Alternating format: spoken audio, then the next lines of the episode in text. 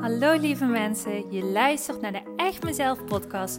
De podcast die jou dat momentje ontspanning voor jezelf geeft. De podcast die bruist van de positieve energie en jou helpt om je gedrag beter te begrijpen. En je praktische stappen laat zetten richting het leven waar je altijd al van droomde. Gooi maar even alles aan de kant, want de tijd voor jezelf is weer aangebroken. Want ik geloof dat een gelukkig leven start bij jezelf. Super leuk dat je weer luistert. Ik heb er weer super veel zin in. We gaan beginnen. Hallo, hallo lieve mensen. Je luistert naar de Echt Mezelf podcast. Super leuk dat je er vandaag heel bij bent en intuned op dit podcastkanaal.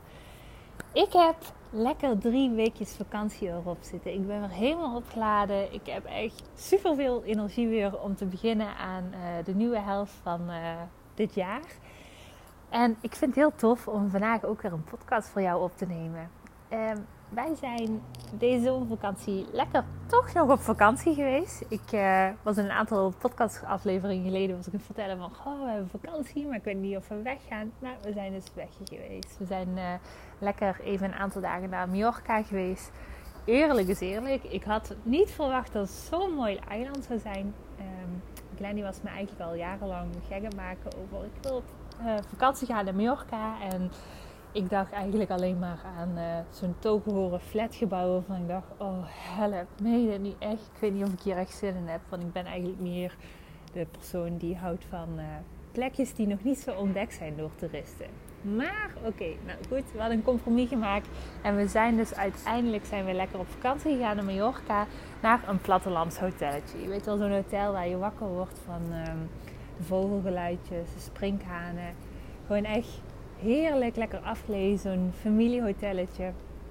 En um, nou, terwijl wij um, een avondje besloten om daar te eten, want normaal gesproken zijn we echt zo'n uh, zo'n ontdekkingsreizigers. Dan denken we, oh, dan pakken we de auto en dan gaan we lekker rondreizen. En dan uh, kijken we waar we uitkomen om uh, een hapje te eten. Maar die avond besloten we, laten we gewoon lekker in het hotel blijven.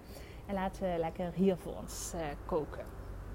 Dus terwijl we lekker waren aan het eten, kwam um, de man des huizes, want dat was een familiehotel, dus um, um, ja, die kwam even met ons vertellen. En wat hij vertelde, we kwamen in een gesprek en wat hij vertelde vond ik zo mooi en zo spot on. En ik dacht, ja, als ik terug van vakantie ben, dan weet ik niet van zeker dat ik al een onderwerp heb om te vertellen in de podcast. Want, en ik ga dit verhaal zo goed mogelijk vertellen, dit is natuurlijk aan de tweede hand, dus het zal misschien hier en daar wat details missen, maar ik probeer het zo goed mogelijk te vertellen. Want wat deze meneer vertelde was, um, al jarenlang hadden ze ja, een heel mooi plattelandshuis in Spanje moet je je voorstellen. En een prachtige tuin erbij, een zwembad erbij. Echt zo'n zo'n plattelandshuis. Ik moest heel erg denken aan zo'n oude Spaanse series. Waarin zo rijke families woonden, zal maar zeggen. Nou goed, zo'n zo'n pand was het hotel. En um, hij was dus aan het vertellen van... Op een dag kwam er een jongen, een Poolse jongen was het. Die was in het hotel. En dat mannetje zei, ik wil heel graag leren zwemmen. En nou ja, hij sprak Pools, hij sprak niet echt uh, Spaans. Maar die meneer probeerde zich met handen en voeten verstaanbaar te maken. En het kind begreep wat hij bedoelde. En hij begreep dus ook uit het handen- en voetenspel dat het mannetje heel graag wilde, wilde leren zwemmen, maar dat hij het nog niet kon. En uiteindelijk um, ging deze meneer ging dit kind helpen. En na een aantal weken kon die dus heel goed zwemmen. En uiteindelijk ging dit jongetje, ging, uh, woonde ergens op het eiland. En uh, nou, ging uiteindelijk een eigen hotel runnen. En werd zwemmeester. ik vind het echt een fantastisch verhaal. Maar in ieder geval, wat deze meneer vertelde, en dat vond ik zo mooi. Hij zei: Eigenlijk het enige wat een kind wil, is dat hij gezien wordt dat hij gezien wordt. En hoe je dat kan doen is, hou je kind dichtbij. Laat het voelen dat het gezien wordt. En laat het voelen dat hij speciaal is. En dat vond ik zo mooi. Dat vond ik zo'n mooie woorden. Laat hem voelen dat hij speciaal is. Hou je kind dichtbij. laat het kind voelen dat het gezien wordt. En dit, dit zijn zo'n woorden. Als ik denk aan de tijd dat ik puur en alleen nog als orthopedagoge aan de slag ging met gezinnen, eh, met jonge kinderen. Dan waren dit woorden die ik elke keer weer probeerde duidelijk te maken aan ouders. Elk kind wil gezien worden. Hou het dichtbij. Zie het kind. En niet zie het kind een beetje, maar zie het kind echt, echt, echt. En nu denk je misschien van, ja, maar waarom zit je dat hier te bespreken? Want ik ben toch geen kind en dit is toch geen opvoedingsplatform? Nee, inderdaad. Maar de kern hierin is, ben jij als kind, en dan wil ik je even uitnodigen, ga eens even helemaal terugtunen naar jouw kindertijd. Werd jij toen altijd echt gezien? Echt gezien? Het is heel belangrijk. Want als jij misschien, en ik denk dat de meesten van ons kunnen antwoorden met nee, niet altijd. In zijn dromen, in zijn verlangens. In hetgene wat hij zo graag wilde, zo graag naar hunkerde.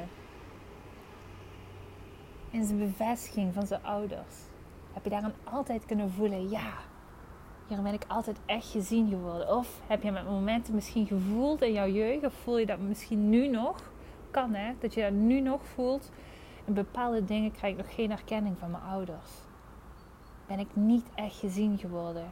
Kennen ze niet echt mijn echte, echte diepe ik? En als dat jouw antwoord is, wat ik me heel goed voor kan stellen, want heel veel mensen kunnen antwoorden met, met deze uitkomst. Ik moet even nadenken wat het juiste woord. Dan heeft dat automatisch een effect op het leven wat jij nu leeft. Want wil ik jou ook uit gaan nodigen. Ga eens kijken naar de momenten dat jij misschien geïrriteerd ergens over bent. Boos ergens over bent op het moment dat jij enorm compensatiegedrag toont. En daar bedoel ik mee dat je heel erg bent aan bewijzen. Of misschien dingen bent aan doen met eigenlijk de onderliggende behoefte daarin. Word ik gezien door de ander? Dan krijg ik de acceptatie van de ander. Dan vindt de ander mij goed genoeg. Dan weet dat dat heel vaak stukjes kunnen zijn die je hebt gemist ergens in jouw jeugd. En ik heb het jullie al heel vaak verteld. Elke ouder wil het beste aan jou geven. Dat is mijn uitgangspunt altijd.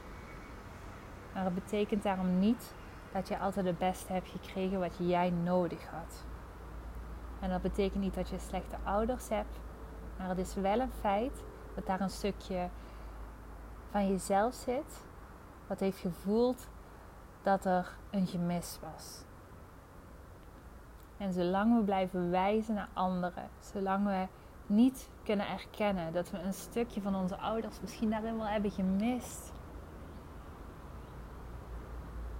En nu nog altijd als volwassen mensen stiekem zitten te zoeken naar die bevestiging. Dan ga je nooit een vervullend gevoel krijgen over jezelf. En tuurlijk, of course, je hoort me zeggen, de vervulling moet je in jezelf vinden. Weet dat het ergens vandaan komt vaak is het zo, op het moment dat wij niet volledig gezien zijn geworden in onze jeugd, dat we dat als volwassenen gaan proberen te compenseren. Jij bent goed zoals je bent. En pas op het moment dat je mag gaan inzien van jezelf, van hé, hey, inderdaad, daarin mis ik een stukje. Ik ben niet altijd gezien geworden en dat heeft me pijn gedaan. En ik hunker er zo aan naar dat ik die bevestiging van iedereen om me heen krijg. Dat ik goed ben zoals ik ben. Weet, dit komt ergens vandaan. En het kan zo zijn dat misschien, zoals het verhaal waar ik mee begon, zoals die meneer zei, laat het kind voelen dat hij speciaal is. Hou het dichtbij. Laat het voelen dat je hem ziet, echt ziet dat je dat misschien in jouw jeugd met momenten niet gevoeld hebt. En dat is niet met een boze vinger naar je ouders wijzen, helemaal niet. Daarvoor is deze podcast niet bedoeld. Maar dit is wel een stukje bewustwording om jou laten inzien van, hé, hey, weet je,